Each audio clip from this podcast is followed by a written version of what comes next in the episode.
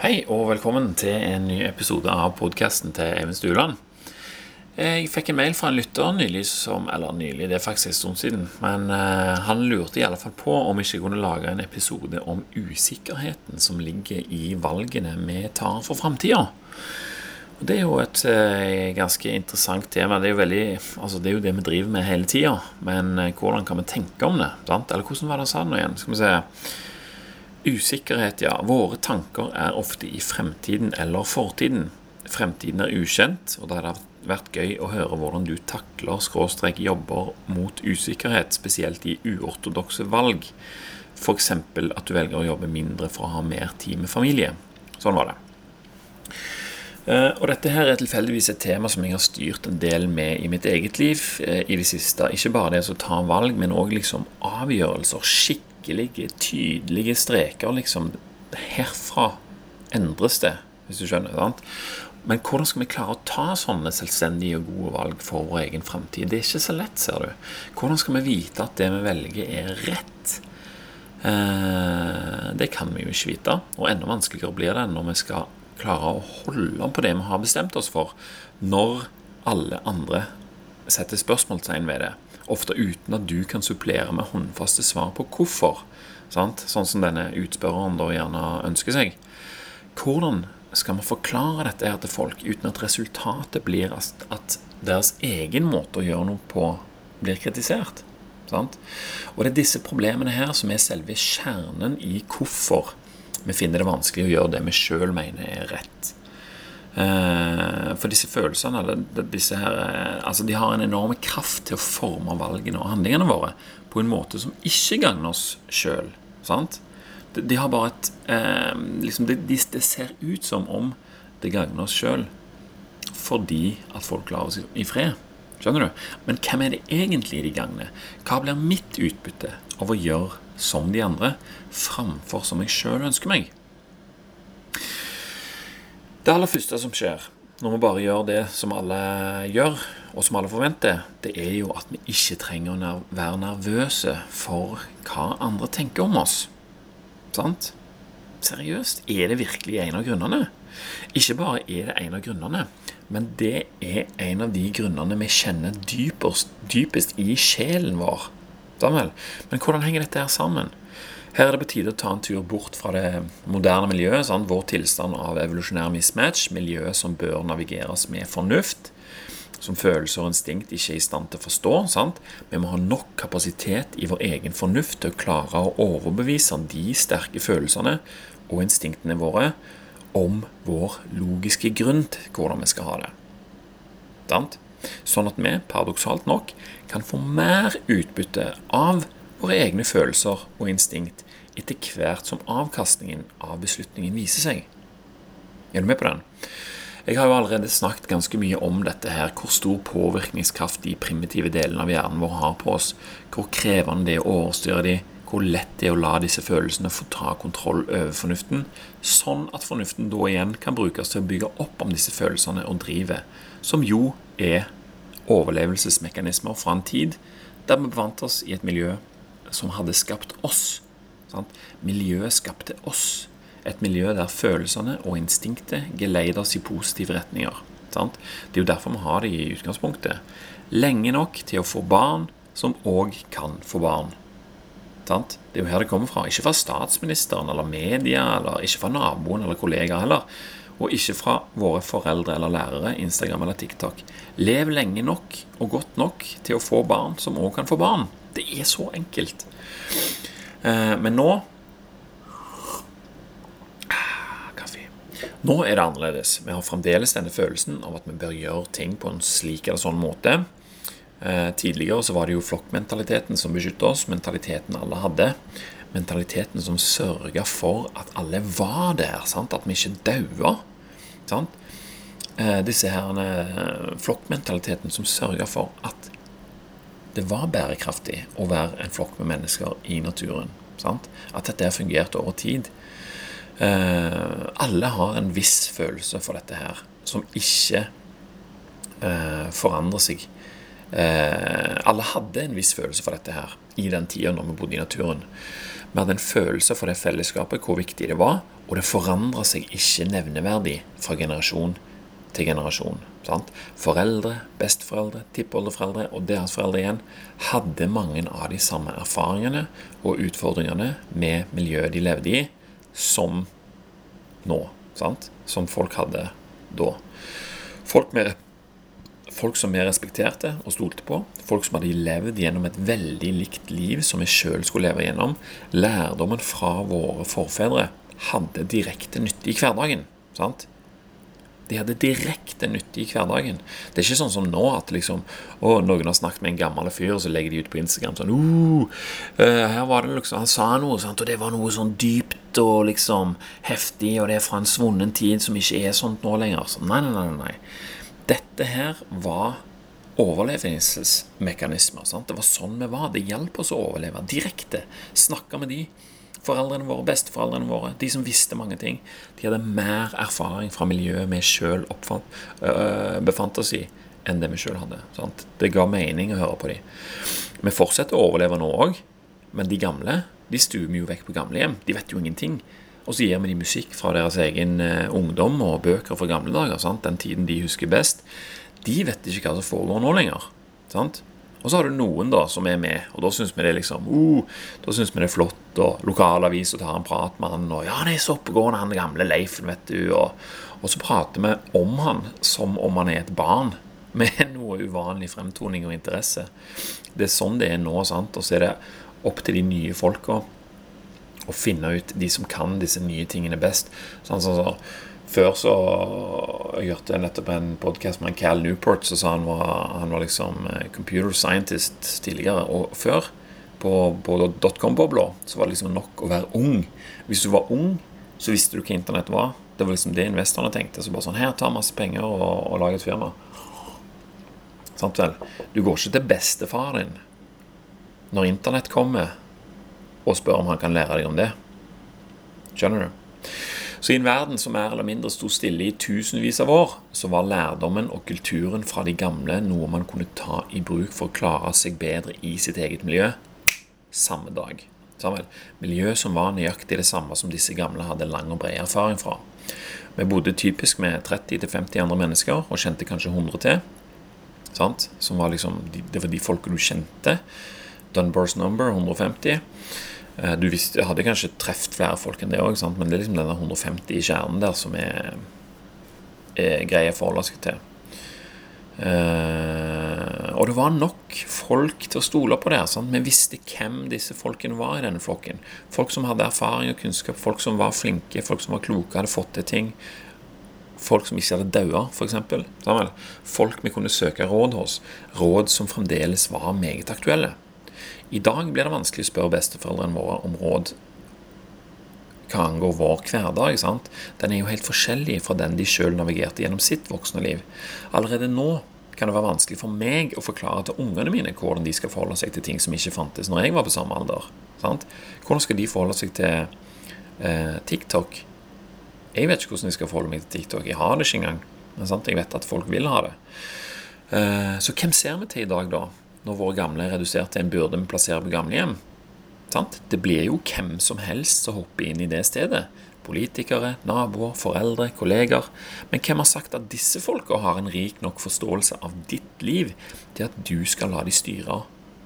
Du skal la de få styre hva du skal gjøre med det. Sant? Denne kunnskapen om fortiden og hva som har gjort oss til det vi er, er et meget godt verktøy for å nøytralisere følelser og instinkt som ikke passer overens med tankene vi har om hvordan det er bra å handle. Fornuftige tanker versus følelser og instinkt. Sant? Noen ganger er det bra å følge den ene, andre ganger er det bra å følge den andre. Å vite når vi skal bruke den ene fremfor den andre, og så ha nok mot til å gå helhjertet for det en har bestemt seg for, det er der magien skjer. Når valget er tatt, så kan vi slappe av. Man er ikke lenger usikker. Man kan begynne å slå seg til ro hva er det som har gjort at det er mulig å slå seg til ro? Man har tenkt, man har sett for seg, man har undersøkt, man har veid ting opp mot hverandre. Man har evna å nøytralisere følelsen og instinktet som hinter om hva som er best å gjøre nå, med en gang, for å få barn som òg kan få barn når vi lever i naturen. Samuel? Dette steget er det første av den der bestemmelsen. Det er bestemmelsen som krever mest umiddelbar handlingsevne. Det er som en kneik, eller liksom en, en kneik vi må over. Sant? Og for å klare å komme over den kneiken, så må vi ha nok fart og moment. Vom, sant? Nok til å overstyre følelsene som sier liksom Nei, faren, dette her sant? Nok til å overbevise fornuften. Sant? Yes, dette her vet jeg. Dette her vet jeg at jeg vil prøve. Nok til å velte lasset. Nok til å stå imot alle andres forventninger. Helst nok til at vi klarer å overbevise både følelsene og instinktet om å være med på logikken. Sant? Boom! Da er bestemmelsen tatt. Hva, nå, hva det nå er, hva nå enn den er jeg klarer meg med mindre penger, f.eks. Jeg vil heller investere det i tid. Veldig heftig avgjørelse. En vanvittig kraft var nødvendig for å overkjøre usikkerheten som føltes via forventningene til menneskene i omgivelsene. Sant? Både kjente og ukjente mennesker. Oppfattelsen deres av hva som er normalt og riktig, er nå et dårligere alternativ enn det jeg sjøl har bestemt meg for. Sammen. Og når jeg begynner å tenke på den måten her, så begynner jeg automatisk òg å beskytte valget mitt. Sant? Og det forandrer mye. Slaget er vunnet, sant? men det er nå arbeidet begynner. Sant? Bestemmelsen var en enkelthendelse som ble mana fram gjennom en prosess. Jeg vet det med hodet mitt, men følelsene kan fremdeles dukke opp og sette denne her bestemmelsen i fare. Det er lurt å ha i bakhodet, øh, bakhodet, bakhodet når dette her skal iverksettes. Det som er en del av livet. Det skal integreres. Nye utfordringer kommer på banen. sant? Nå er det ikke lenger nok med et kraftig moment og en heftig avgjørelse. Man går ikke rundt med en sånn eufori i det daglige. sant? Dette er utholdenhetsdelen av det hele. Man kan bli rusa når man kjenner at man har tatt en avgjørelse som man vet vil forandre fremtiden til bedre. Men som en forelskelse så vil òg den rusen der gi seg. Det blir igjen rom for usikkerhet. sant? Følelser vi får fra omgivelsene. Mange lurer på hva i all verden? Sant? De har spørsmål. Noen spørsmål kjenner du igjen fra din egen prosess. De er relativt enkle å svare på med litt eh, ekstra forklaring. Mens andre er helt nye. Sant? Ting du ikke har tenkt på. Vil de endre din oppfatning? Eller vil de gjøre den sterkere? Hva er følelser, og hva er fornuft nå? Sant? Her er det mange som, som sklir og, og havner tilbake. Sånn, og det er, jo, det er jo nettopp det. Hva slags bestemmelse har du tatt? Har du tatt en bestemmelse for at du skal ha det bedre i en periode? Har du tatt en bestemmelse for at du skal slanke deg og bli tynn, og at det du skal gjøre, skal du bare gjøre fram til du blir det? Sant? Eller har du tatt en avgjørelse for livet sant? som er heftig? Det er nå du skal holde hodet kaldt. Du skal ta det rolig, for du har svarene, ser du. Du har de. Du må bare passe på at kroppen og hodet ikke får panikk av ukjente spørsmål som du ikke har umiddelbare svar på. Samuel. Da mister vi kapasitet i fornuften. Sant? Og det de sier, vil plutselig føles riktig. Men er det det? Det er jo ikke det. Det er bare denne her prosessen som følelsene våre og, og logikken og miljøet vi lever i, og folka som er der, og sånt, som gjør deg usikker. Sant? Men vi kan velge å være sikre. Selvsikkerheten bak dine egne tanker svekkes når du begynner å bli eh, når du blir uh, usikker. Sant? Og kommer den snikende tilbake, og så vet du ikke helt om du har rett. Vi kan jo aldri være helt sikre. Sant? Det eneste vi kan være sikre på, er at vi har bestemt oss. At vi er sikre på at vi vil prøve dette her. Og da kommer selvsikkerheten tilbake. Sant? Minnet om hvordan bestemmelsen føltes ut når du tok den. Sant? Den der, den der euforiske tanken som Vet du hva, nå vet jeg det! Shit, liksom. Det er jo sånn. Samuel. Den følelsen som du hadde når du Eh, når du hadde moment og fart til å komme deg over kneika, den kan du den husker kroppen. Og er det noe jeg lærte fra å galdre med han godeste eh, Magnar Enoksen, så var det det at vikingene de brukte galdring. sant? De, de mante fram en følelse, og så brølte de dette her ut utenfor situasjonen. Og når de kom i situasjonen, da sant? De følte en enorm kraft og en enorm styrke som de fikk gjennom det brølet, den galdringa. Hvis du ikke vet hva galdring er, så må du høre de episodene med, med Lars Magnar Enoksen. Og så når de da kom i en situasjon som var krevende for dem, så kunne de huske hvordan kroppen føltes når de brølte, og ta fram igjen den kraften. Og det er akkurat det samme vi kan gjøre med disse herrene bestemmelsene våre. Når vi blir usikre, skal vi prøve å huske hvordan det føltes når det var soleklart. Når det var selvfølgelig. Når du var glad for at du hadde klart å komme over den kneika. Eh, for de følelsene der, eh, de er gode, de sannhetene. De er gjennomtenkte. Og de kommer fra en ekte prosess der fornuften i fred og ro kunne planlegge hvordan man underveis og seinere kunne oppnå en større glede enn den som ikke krevde en sånn prosess. Sant vel? Man blir i stand til å utdype disse sannhetene og gjøre dem mer tydelige. Man befinner seg plutselig i en posisjon der man sjøl forklarer noe til andre igjen. Og hvis man gjør det godt nok, så gjør usikkerheten seg plutselig synlig hos den man forklarer til. Sant? Og det setter dine egne følelser i samme spor som logikken, som du nettopp har lagt fram. Og da har vi en ny type moment som bygges. Sånn, følelsene og logikken virker til å samkjøres nå, på dine premisser. Hele greia blir mer robust og tåler mye bedre å bli vingla av kritikk og spørsmål. Og denne personen som stiller deg spørsmål, har kanskje ikke tenkt så mye over denne saken, men det har du. Mange timer. Kanskje har du hørt podcaster, kanskje har du lest bøker, skrevet og tenkt i timevis. Husk det. Husk hvor mye du har tenkt på dette. her. Du vet hva du snakker om. Vi kan ikke forvente at noen som har brukt noen få minutter på emnet, skal konverteres med en enkel sannhet eller gjennom en enkel samtale. Men ofte så er det det vi ønsker, og ofte så er det òg det den vi prater med, ønsker seg. Sant? At du ikke skal gjøre dette her. At du skal bekrefte deres valg ved å heller gjøre som de. Og det er jo det samme som vi ønsker for oss sjøl. Det er lett å fortsatt føle oss usikre på at vi har valgt riktig, når vi får en sånn bekreftelse. Sant? Hvis vi sår og forklarer Noen kommer og spør deg hvorfor har du gjort sånn som dette her, og så begynner du å forklare sånn og sånn og sånn. Jeg gikk gjennom en prosess, og så tenkte jeg først sånn og sånn, sånn, sånn blablabla. Og så ser du at den andre personen sitter og nikker, og liksom å, at, at det går inn. Da føler du deg ganske Ja, da får du denne følelsen som bekrefter valget du har tatt. Og det hjelper deg å fortsette. Sant? Men du kan ikke forvente det. Du kan ikke forvente dette her. Det er langt sjeldnere at de med uortodokse valg får denne bekreftelsen fra andre mennesker. Sant vel? Eh, men hvis du da ikke forventer det, så blir du heller ikke skuffa, og da blir du heller ikke usikker på det du sjøl har bestemt deg for.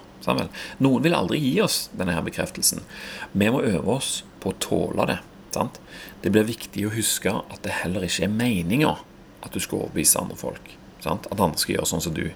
Det holder at du sjøl vet det.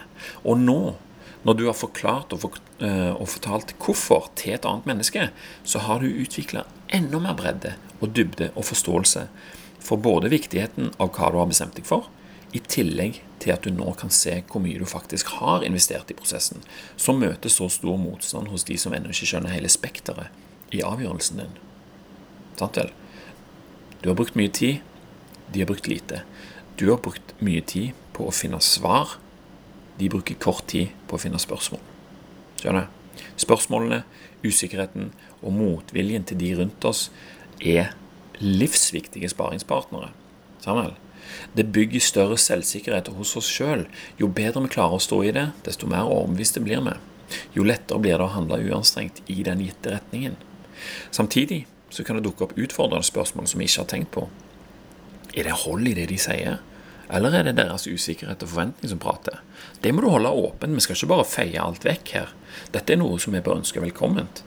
Det bør gjøre oss mer nysgjerrige. Vi bør få lyst til å sjekke opp i dette her. For noen som har tenkt seg godt om, og som allerede har fått smaken på fordelene som avgjørelsen har gitt, så er det ingen sak å gjøre disse her argumentene om til nye fordeler, eller til en pris man kan slå seg til ro med at en gladelig betaler for de fordelene vi får. Er du med? Det de sier, og det du klarer å snu det til, blir nok et argument for fremtidige samtaler. Det finnes ingen perfekt vei. Det er ingen måte å gjøre det på som ikke har noen negative konsekvenser. Spørsmålet er hvordan man ser på de konsekvensene og fordelene som dukker opp. Sant? De som kommer fra disse andre, eller fra TV-en, eller hvor som helst. Sånn, så møter du en da kanskje. Lite penger, så er du jo. Får dere dratt på skikkelige ferier, eller litt synd for ungene, da, som ikke får opplevd andre kulturer. Sant? Det er veldig vanlig å, å løfte fram liksom, de negative tingene. For det er de du kommer først på. Hvor lenge skal man egentlig frarøve ungene å delta på det som skjer i sosiale medier? Sant? Kritikk mot disse negative spørsmålene. Det er det som alltid kommer. Men hva er det denne personen egentlig sier? Insinuerer han til at jeg er uansvarlig? At det er han som har rett? Han som ikke har tenkt på dette like mye som du? Han, som du, beskytter sine egne handlinger og tankerekker når han hører noe som sår tvil i hans egen måte å gjøre det på.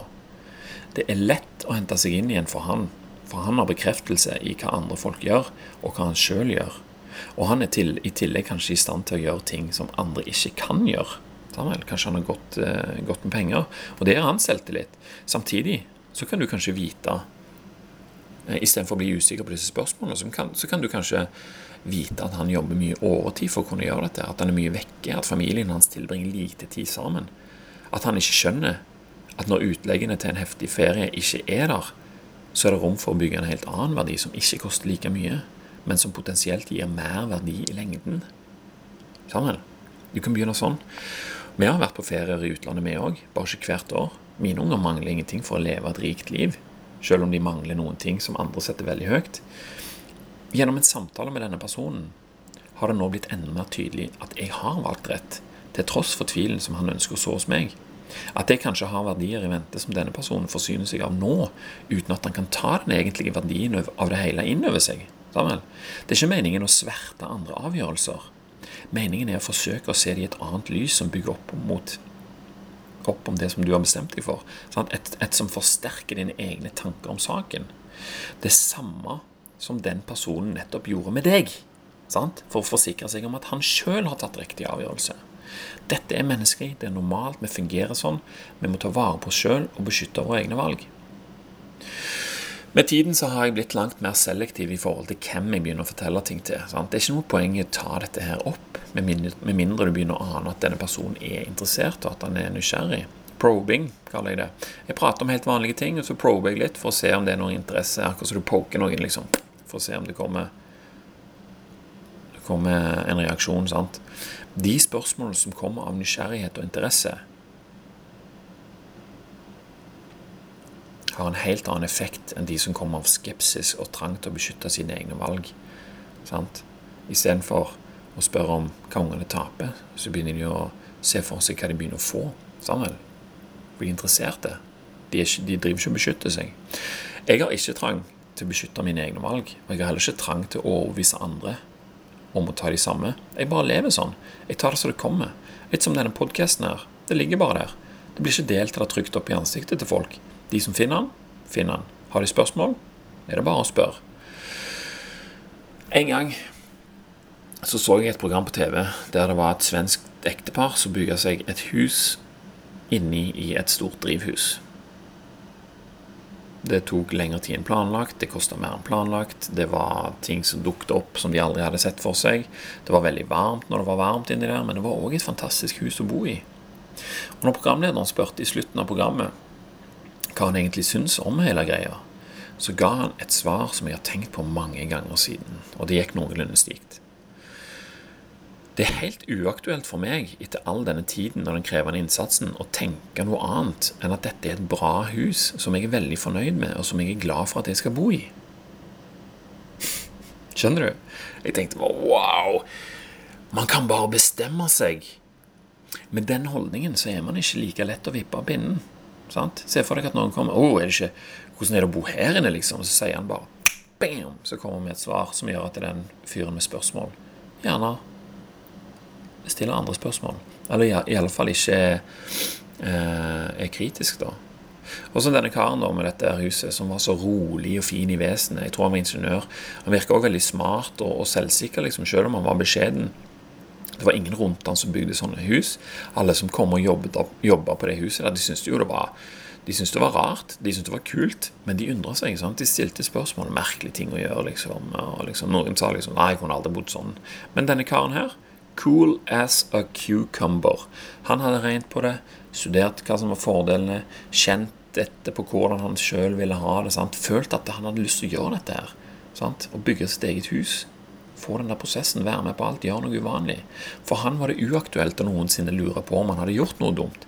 Han hadde bestemt seg, og for han så var det riktig. Og jeg har tenkt mange ganger på denne her fyren. Tenkt at jo, dette er en ting jeg kan bestemme meg for at er riktig for meg. Man kan selvsagt ikke gjøre det blindt på alt man får for seg, men på de tingene man ser nytten og gleden i å gjøre det, så er det jo verdt det. Sant? Og ikke bare det, men det er gøy. Og det blir en verdi i seg sjøl. Det blir jo gøy å finne ut av disse tingene her. Så jeg opplever det som om jeg både vinner fordelen jeg får ut av å gjøre som, som jeg gjør, samtidig som jeg unngår ulempene som andre mennesker opplever av deres måte å gjøre ting på. Skjønner du? Det er sånn jeg legger det opp for meg sjøl. Er det en fantasiverden? Lurer jeg meg sjøl? Det er jo gode spørsmål. I så fall så vil jeg si at jeg lurer meg sjøl til å leve et godt liv. Det er jo det det handler om, å leve godt. sant? Å ha følelsen av å være rik og lykkelig. Rik på verdier. Verdier det kan se ut som om andre ikke bryr seg om, men som du har hatt roen til å se og legge til rette for at skal være en del av ditt liv. Sammen. Du forsyner deg av noe som ingen andre kommer til å savne. De vet ikke om det. Og hvis de får vite om det, så er det nok til de òg. Det er et valg. Det er en prosess. Det er ingenting som er rett eller galt. Vi har ikke noe ansvar for å gjøre det andre gjør bare fordi det er flest som gjør det. Noen av mine største lærepenger har jeg fått fra mennesker som er så fjernt fra det som er riktig som det går an å komme. De har sett annerledes på ting, og så har de vist det til meg fordi jeg har spurt. Eh, de har sett verdier det er lett å overse. Og Det blir ekstra deilig å ta for seg av disse verdiene her når man føler man har luka de fram fra det skjulte. Sant vel?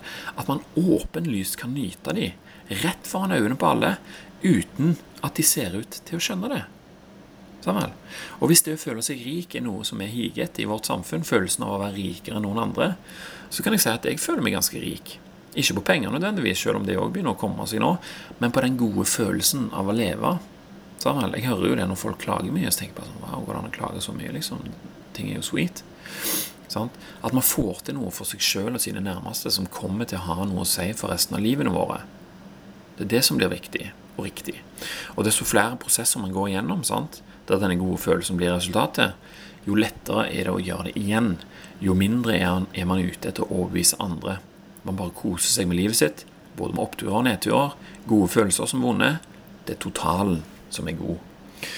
Så Jeg vil gjerne avslutte med et sitat fra en av mine favorittbøker, 'Forest People'. heter han, og Det er antropologen Colin Turnbull som skrev denne boka. her, og Den handler om pygmeene i Kongo, skrevet på 50-tallet fantastiske bok. altså Ubesudla menneskesjeler, til en viss grad iallfall, som lever med følelsene og instinktene sine i naturen. Som ikke ser ut til å ha denne her konflikten som vi har mellom logikk og følelser. Som ikke nekter seg verken gråt eller latter. Sant? Og begge deler kan utføres rullende rundt på bakken akkurat sånn som det føles for de å gjøre det. Sant? De ler, får lyst til å rulle på bakken og le sammen med de andre som ler. De gjør det. Det er ikke sånn som vi gjør forsøke å skjule vår entusiasme eller skuffelse. sant? Vi sitter ikke og hylgriner i begravelser. Vi sitter og snufser og prøver å skjule ting, liksom. Sammen. Vi ender med å avstumpe våre egne følelser av hensyn til mekanismer i det samfunnet som vi lever i.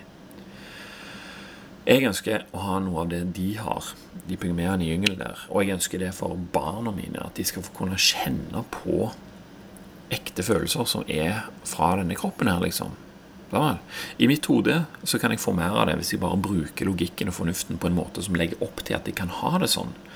Våre følelser er ekte for oss, men det er ikke alltid grunnen for disse følelsene fortjener oppmerksomheten som jeg gir dem. Vi sløser bort følelsene våre på ting som ikke har noe med oss å gjøre. Da blir det mindre til å gi dem til det som fortjener det. Umtubi-pygmeene er mer enn bare kuriositeter det er interessant å filme, og musikken deres er mer enn en eiendommelig lyd det er, fint å, det er fint å spille inn på en plate. De er et folk som i skogen har funnet noe som gjør livet deres mer enn bare verdt å leve. Noe som gjør det med, gjør det, med all dets vanskeligheter, problemer og tragedier, til en vidunderlig ting full av lykke og glede, fri for bekymring og engstelse. Jeg sier bare lest den boka, altså. Og, og, når jeg eh, skjønner hvordan det går an å ha det, så blir jo mitt ønske at jeg skal klare å Jeg har jo en familie. sant? Jeg ønsker å elske kona mi og ungene mine på den beste måten som min egen kropp og sjel og DNA er i stand til å gjøre det. Det er jo det som vil gi meg mest. Og jo bedre Og det er jo det som vil gi de òg mest. Vel. Jo bedre jeg blir til å justere omgivelsene mine etter min egen oppfatning, desto større del av følelsene mine går i en retning som gir meg et enda rikere liv. Fri for bekymring og engstelse. Fylt med lykke og glede. Høres ikke så verst ut, det, altså. Pygmeen, altså. Huh. men det var det for i dag. Eh, for deg som vil bidra til at det kommer flere episoder på denne podkasten, og at de fortsetter å være gratis og uten reklame, så kan du vippse et passelig beløp til 4055 0737. Tusen takk til alle dere som allerede har gjort det, og tusen takk til deg som faktisk ga meg et solid stykke med høyrygg fra ei nydelig Angus Hereford-ku i forrige uke. Det er Patrion-støtten sin, det. Alt handler ikke bare om penger. Følelser og intensjoner er minst like verdifullt. Tusen takk for meg, og tusen takk til alle dere som hører på. Send meg gjerne en e-post. Linken til Telegram er i beskrivelsen. Vi snakkes neste gang.